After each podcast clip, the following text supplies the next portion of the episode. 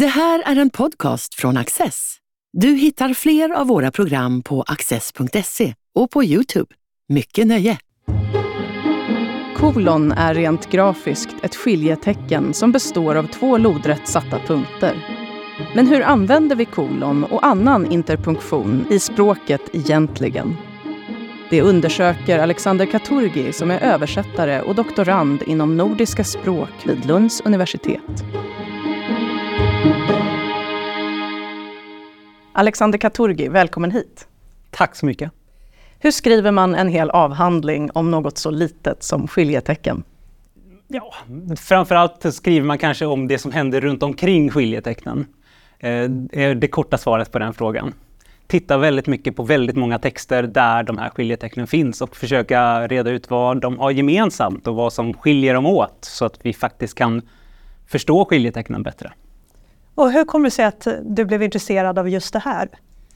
Eh, jag vet inte. Den historia jag brukar dra, som jag också brukar säga, det kanske inte var hela sanningen, det var att jag skrev en, en, ja, en uppgift på en, en kandidatkurs eh, och fick en kommentar. Ah, här har du använt semikolon fel. Eh, och så skrev jag en kandidatuppsats om semikolon efter det. Eh, och på det spåret är det. Underbart, för just eh, kolon och semikolon känns ju som någonting som folk gör väldigt mycket fel på. Hur, hur skulle du säga att de ska användas och hur gör folk fel?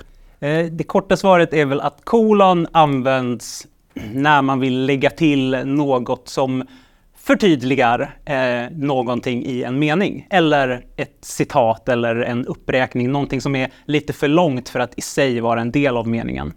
Semikolon används när man vill ja, sammanfoga två olika meningar eh, som har någon sorts orsaksförhållande sinsemellan.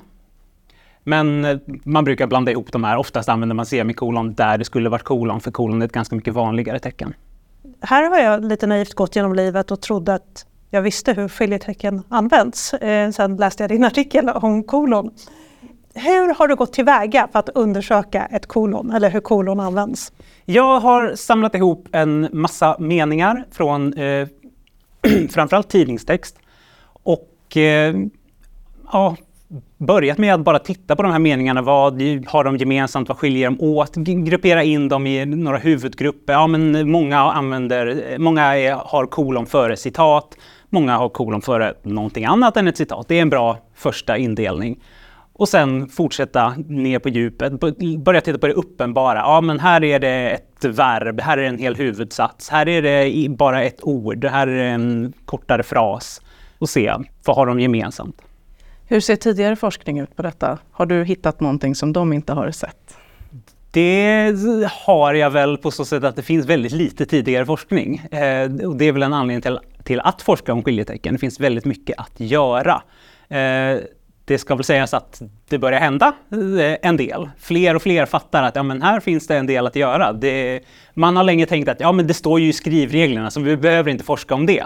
Sen visar det sig att ja, men skrivreglerna har sett likadana ut i 200 år och när de skrevs för 200 år sedan då var det ingen som hade forskat på det. Det var bara någon som tyckte att ja men så här sätter ju jag skiljetecken. Vi skriver det i de här reglerna och sen har det bara traderats genom åren. Och det är kanske inte helt vetenskapligt eh, grundat, särskilt med tanke på att svenskan har förändrats en hel del och alla andra språk som använder skiljetecken förändras ju förstås under de här 200 åren. Så det finns en del att göra eh, och mina resultat säger då någonting nytt. Det finns några liknande studier i samma härad. Eh, och ja, vad ska man säga, min, min, den studie jag gjort hittills bekräftar en del och eh, vidareutvecklar en del. När de här språkreglerna sattes, eh, då hade man ju inte haft någon forskning på skiljetecken. Eh, existerade ens alla skiljetecken som vi har idag? Ja, det beror på när man börjar räkna så att säga. De första eh, skrivreglerna för skiljetecken på svenska eh, publicerades 1651 och de var inte tänkta som skrivregler som så, utan det var en handbok för poetiskt skrivande. Eh, och som ett appendix till den kom, ja men så här kan man sätta skiljetecken förresten. På den tiden var det ganska annorlunda från hur vi sätter dem idag. Eh, och det fattades vissa skiljetecken som har tillkommit. Men för 200 år sedan, 1813, då var skiljeteckensuppsättningen ganska stabil. Då kom tankstrecket in som liksom var det sista eh, skiljetecknet som så. Eh, senare har tre punkter börjat räknas som ett eget skiljetecken istället för just tre punkter som sitter ihop. Eh, men, men 1813 skulle man kunna säga, eller då lite innan naturligtvis. Eh, sen dess är skiljeteckensuppsättningen ganska stabil. För, att, för vårt höga nöjes skull så tittade vi lite på hur det ser ut historiskt ja. inför den här intervjun. Och då såg vi att om man tittar på källor från medeltiden då fanns det nästan inga skiljetecken alls. Det fanns, alltså punkter fanns ju inte ens utan man bara markerade ny mening med stora bokstäver. Ja. Och så här. Så när, hur växte det här fram? Vet man det? Ja, absolut. Eh, man har en ganska bra uppfattning i alla fall. Eh, vi säger att den moderna skiljeteckensuppsättningen skapades i och med tryckpressen, eh, tryckkonstens spridning på slutet av 1400-talet. Men det har ju funnits skiljetecken eller någon sorts protointerpunktion redan innan dess. Första, allra första skiljetecknet, om vi ska gå så långt tillbaka, eh, beroende på vad man vill räkna som skiljetecken, sker cirka första eller andra århundradet före Kristus. Och då får vi stycketecknet. Och stycketecknet är alltså luft. Tomrummet mellan stycken. Innan dess var all text bara ett enda svep. Eh, men man insåg att ja, det kan vara bra att dela upp de olika ämnena i texten så att det blir lite tydligare att läsa. 100-200 år senare tillkommer mellanrummet. Så nu kan man också se skillnad på orden. Det var en stor revolution. Eller det var det faktiskt inte, för det kom inte riktigt på modet, utan man, man slopade det och fortsatte skriva ihop några hundra år till innan man insåg att jo, men det här kanske var en bra grej ändå. Framförallt under antiken eh, börjar det vi kallar det, alltså de synliga skiljetecknen dyka upp, alltså punkter. Eh, och då är det inte för att någon börjar sätta ut dem i manuskripten, utan det är framförallt talare som har sina manus och tänker att ah, jag behöver komma ihåg var jag ska ta paus. Eller var jag ska gå upp i ton eller gå ner i ton för att få rätt retorisk effekt. Så sätter man ut lite punkter efter ett eget system. Man kanske tyckte att ja, men en punkt upp till det betyder eh, hög ton, en punkt ner till det betyder låg ton, en punkt i mitten det betyder paus. Eller något sånt där. Det fanns inget system utan olika personer hade olika ja, följde olika mönster helt enkelt. Finns det någon koppling mellan noter och det här som du just förklarade? Ja, talare var det de ena som gjorde det här, eh, retoriker, och de andra var eh, sångare, i, eh, ja, liturgiska sångare. Satte också olika tecken just av samma anledning. Markera var det är paus och var det man går upp och ner. Så det fanns absolut en koppling där. Och sen när de här utvecklas, utvecklas lite på sina olika håll, eh, på 400-talet kommer någon med ett förslag, ja, men här kanske vi ska använda de här tecknen och sätta det i system. Eh, och det går väl sådär, det, delvis för att läskunnigheten är sådär, delvis för att eh, ja, massmediekommunikationen är sådär på den tiden, så det är inget som att det här får en jättestor spridning. Eh, men det kommer några sådana försök. Eh, men till slut börjar man hitta någon sorts form som etablerar sig. Ja, men vi, sätter, vi, vi ska avgränsa den största tanken, den enskilda tanken, eh, det som vi idag skulle kalla för meningen, men på den tiden kallades det perioden och det är, det är viktigt att använda olika termer här för det är inte samma sak. Eh, men vi känner ju förstås igen ordet period från engelska period, så den kopplingen eh, har ju funnits. Och vill vi avgränsa perioden, eh, eller inom perioden finns det deltankar så att säga. Och då kallar vi dem för kola, eh, som alltså plural av kolon. Eh, och vill vi avgränsa dem, då, då kallar vi det för komma. Och kola, kolon betyder lem från början och komma betyder avhuggen från början. Så det handlar om att vi har en period, vi har en eh, lem, periodens lemmar, och vi, avhugg, och vi hugger av de lemmarna om vi behöver kortare, eh, ännu kortare delar. Och sen är det från de här textpartierna som de moderna skiljetecknen har fått sina namn. När du är inne på de eh, etymologiska kopplingarna ja. så blir man ju lite nyfiken på just ordet kolon. Ja. Eh, den här kopplingen till tarm. Finns mm. det att se etymologiskt då? Eh, ja, absolut. Det är samma ursprung då.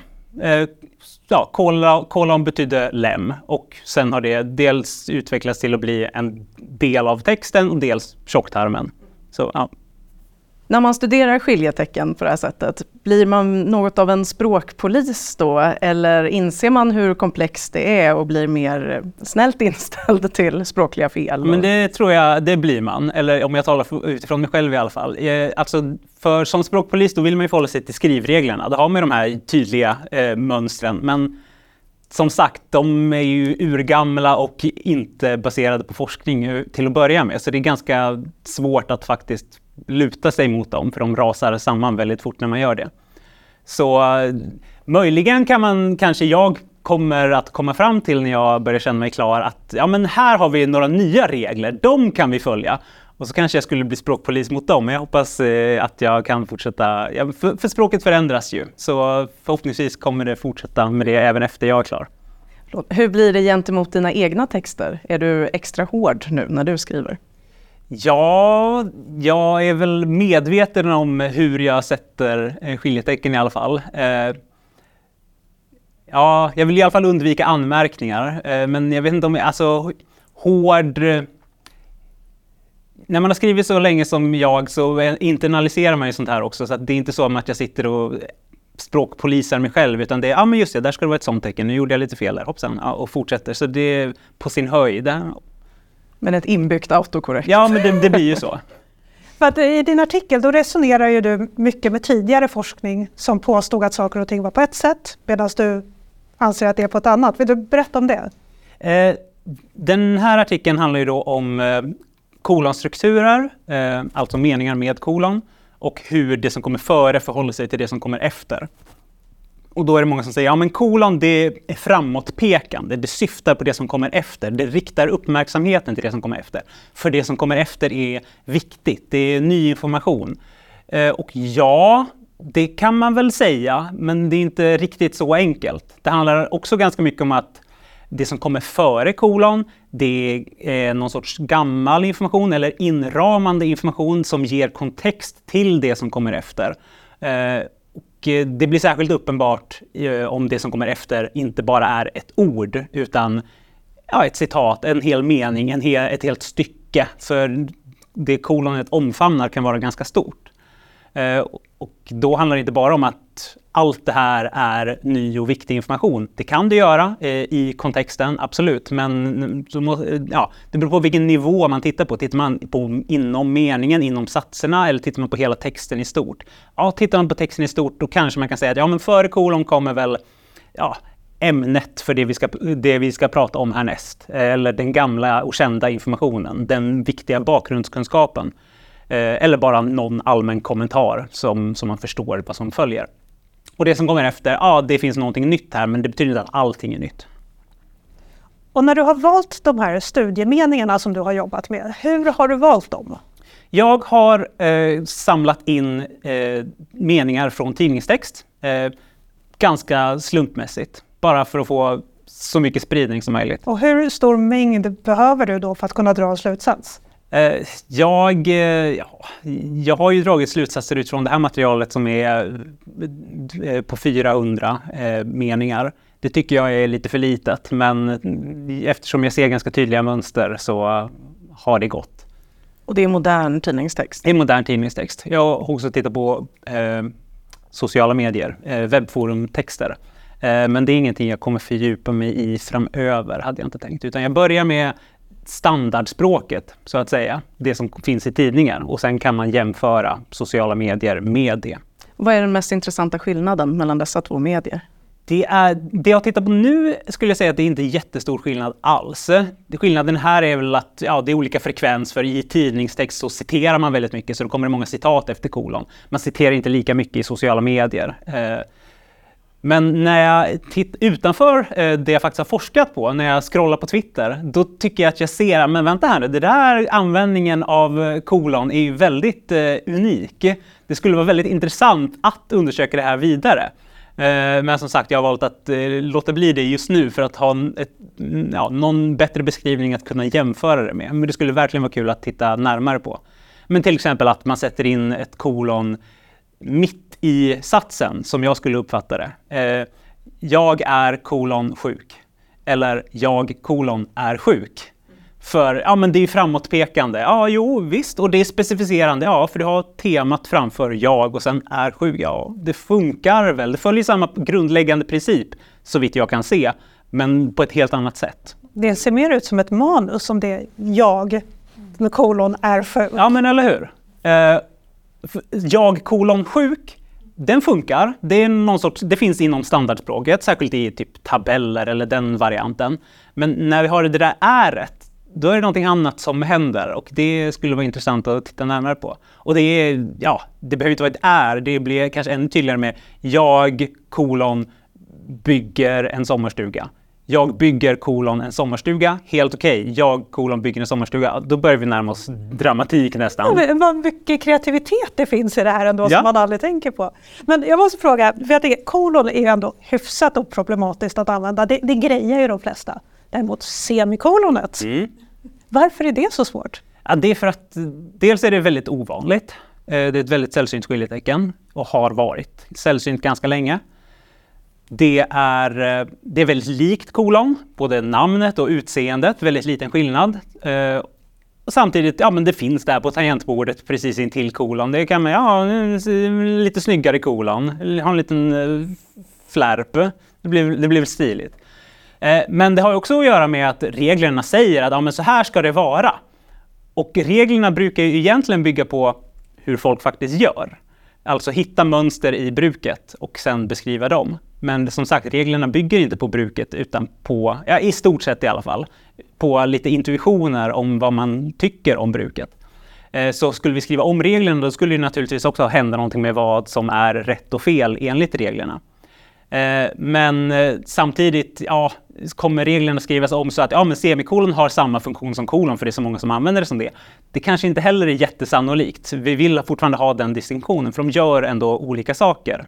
Eh, och vad är den korrekta skrivregeln för semikolon? Eh, mellan två huvudsatser som står i ett orsaksförhållande till varandra eller som eh, ja, vad ska man säga, ett samtidighetsförhållande till varandra. I, i, I, stort sett kan man säga att semikolon ersätter eh, bindeord som för eller så eller och eller utan. Men vad lustigt att det har överlevt när det är så pass lite använt och många, en del som kan använda det blir irriterade på de som inte klarar av det. Vad kommer det ifrån ursprungligen?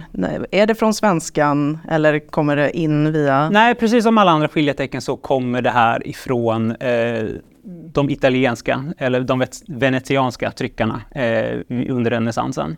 Eh, och semi, på semikolon har vi en ganska tydlig uppfattning. Det skapades, eller det kom första gången i tryck 1496. Möjligen var det 1494. Eh, källorna är lite oeniga, det kanske finns ett jättebra svar på det här.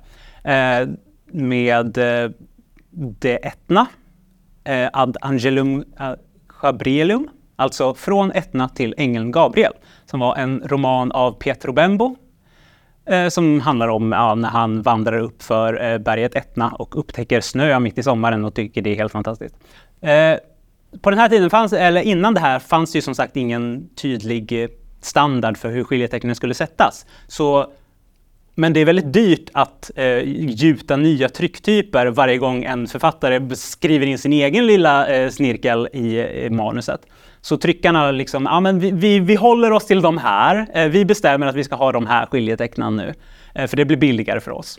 Och då var det så att den här tryckaren, eh, Aldo Manuzio, tyckte att ja, men här passar det semikolon in. Jag vill ha någonting som är mittemellan den här eh, delen, alltså kola, och eh, den avhuggna biten av ett kola, alltså, eh, eller ja, av ett kolon, alltså komma. De vill ha ett semikolon. Så från början var det tänkt som någon sorts hierarki. Vi har eh, punkten, kolon, semikolon, komma. Och den här tanken om hierarkin har levt kvar väldigt länge. Eh, man hör fortfarande att ja, men semikolon är starkare än komma men svagare än punkt. Men det betyder ingenting idag för vi har inte, vi strukturerar inte meningar på samma hierarkiska sätt. Som forskare kanske man ska förhålla sig neutral här och inte ha några favoriter. Men vad skulle du säga är det mest användbara tecknet? Har kolon dit? Användbara är ju en annan sak än favorit. Ja. Eh, punkten är ju onekligen det mest användbara tecknet. Man kan leva ett helt liv utan att sätta något annat skiljetecken än punkt. Men det är svårt att leva ett liv utan att sätta punkt. Eh, och därefter är det väl kommatecken som är det näst viktigaste. Mjuka upp meningarna lite. Ja. Eh, de andra skiljetecknen behöver man väl i princip, ja okej, okay. frågetecknet behöver du nog också. Resten, ja, de kan man ju klara sig utan. Det sägs ofta att ja, men man kan leva ett helt liv utan att sätta semikolon. Ja, men du kan leva ett helt liv utan att sätta majoriteten av alla andra skiljetecken också. Eh, Men ska vi prata favoriter så Eftersom jag har grottat ner mig ganska mycket i kolon på sistone så är det väl det just nu. Men eh, jag har precis börjat, eh, eller gått vidare till att titta på parenteser. Så eh, om ni frågar mig igen om ett år eller två, då kanske mitt svar är annorlunda. Spännande. Jag vill slå ett slag för tankestrecket. Vad tycker du? Det var det senaste tecknet av de här skiljetecknen. Mm. Vad spännande. Om man inte räknar tre punkter. Mm. Men jag är lite intresserad av det här som du säger att det, det mesta kommer ju från Italien och antiken och allt sådär. Men skiljetecken tenderar ju att användas olika på olika språk. Hur, hur komplicerat blir det för dig när du tittar på forskning? Alltså det är ju inte så olika. I grund och botten är, fungerar skiljetecknen exakt likadant på alla västerländska språk, det vill säga alla språk med latinskt, kyrilliskt eller grekiskt alfabet. Eh, det finns vissa små skillnader, framför allt eh, i hur ofta man sätter ut skiljetecken. Det sätts ut väldigt mycket mer kommatecken på tyska och på danska, men de sitter fortfarande på samma ställen där vi skulle kunna sätta dem på svenska. Vi bara väljer att ja, inte sätta ut dem lika ofta. På engelska är det också jättemycket kommatering. Ja, det varierar nog ganska mycket. Engelskan har ju också blivit ett monster som har lite olika standarder på olika håll och vissa tycker att ja, men här ska det vara ett kommatecken och andra säger att nej, men här ska det absolut inte vara ett kommatecken. Vad snackar ni om? Och så har vi stora bråk om Oxford-kommatering som folk tycker ja, men det här är jätteviktigt och andra tycker det här är inte alls viktigt och vi i Sverige står här och bara, ah, det är inte ett problem för oss. Förutom att nu börjar jag se i sociala medier att folk bryr sig om eh, Oxford-kommatering även i svenskan för att vi, har, vi utsätts för den eh, eh, anglofona debatten trots att det här aldrig varit ett problem för oss. Bara för ordningens skull, vad är Oxford-kommatering? Oxford-kommatering är då att eh, sätta ut ett komma eh, efter det näst sista ledet i en uppräkning. Så eh, ja, där stod eh, Anders, komma, Bosse, komma och Alice. Och på svenska brukar vi som standard inte ha det kommat före och. Eh, men också, och, och, inte heller i ja, vissa eh, engelska eh, standarder. Men eh, Oxford eh, University Press tycker att jo, men där ska det vara ett kommatecken. Med vilket argument? Det är onödigt när det finns ett och. Det handlar om att i vissa fall kan det förtydliga, i vissa fall kan det klargöra att eh, det här är inte en enhet, det här är inte enheten A och B, utan det här är två enheter, A och B som separata enheter. Och i vissa sammanhang kan det leda till missförstånd och då säger även svenska skrivregler att ja, om det här nu kan leda till missförstånd, då kan du sätta ett kommatecken där eller omformulera. Nu har vi varit inne och touchat lite på det, men hur ser språkforskning ut generellt i världen och har du någon nytta av den i din forskning? Absolut, eh, för som sagt jag tittar ju inte bara på skiljetecken utan det blir väldigt mycket titta på det som händer runt omkring skiljetecknen och där finns det eh, desto mer forskning. Eh, för det jag skulle vilja påstå om skiljetecknen det är att i alla fall kolon, tankstreck, parentes, de här meningsinterna skiljetecknen förutom semikolon och komma, Eh, de avgränsar tillägg till meningen. Du kan ha en komplett mening och vill du lägga till någonting som annars inte passar i grammatiskt, då kan du avgränsa det med något av de tre skiljetecknen. Och eh, det finns eh, en del forskning på sådana här tillägg som inte hör, hör dit. Kanske inte jättemycket forskning, för det är också sådär, ja men det, det hör ju inte till. Det har man också viftat bort lite grann, men det har fått ganska mycket mer uppmärksamhet än själva skiljetecknen. Och det jag skulle vilja påstå är att det finns en ganska tydlig koppling här. Och hur ser framtiden ut?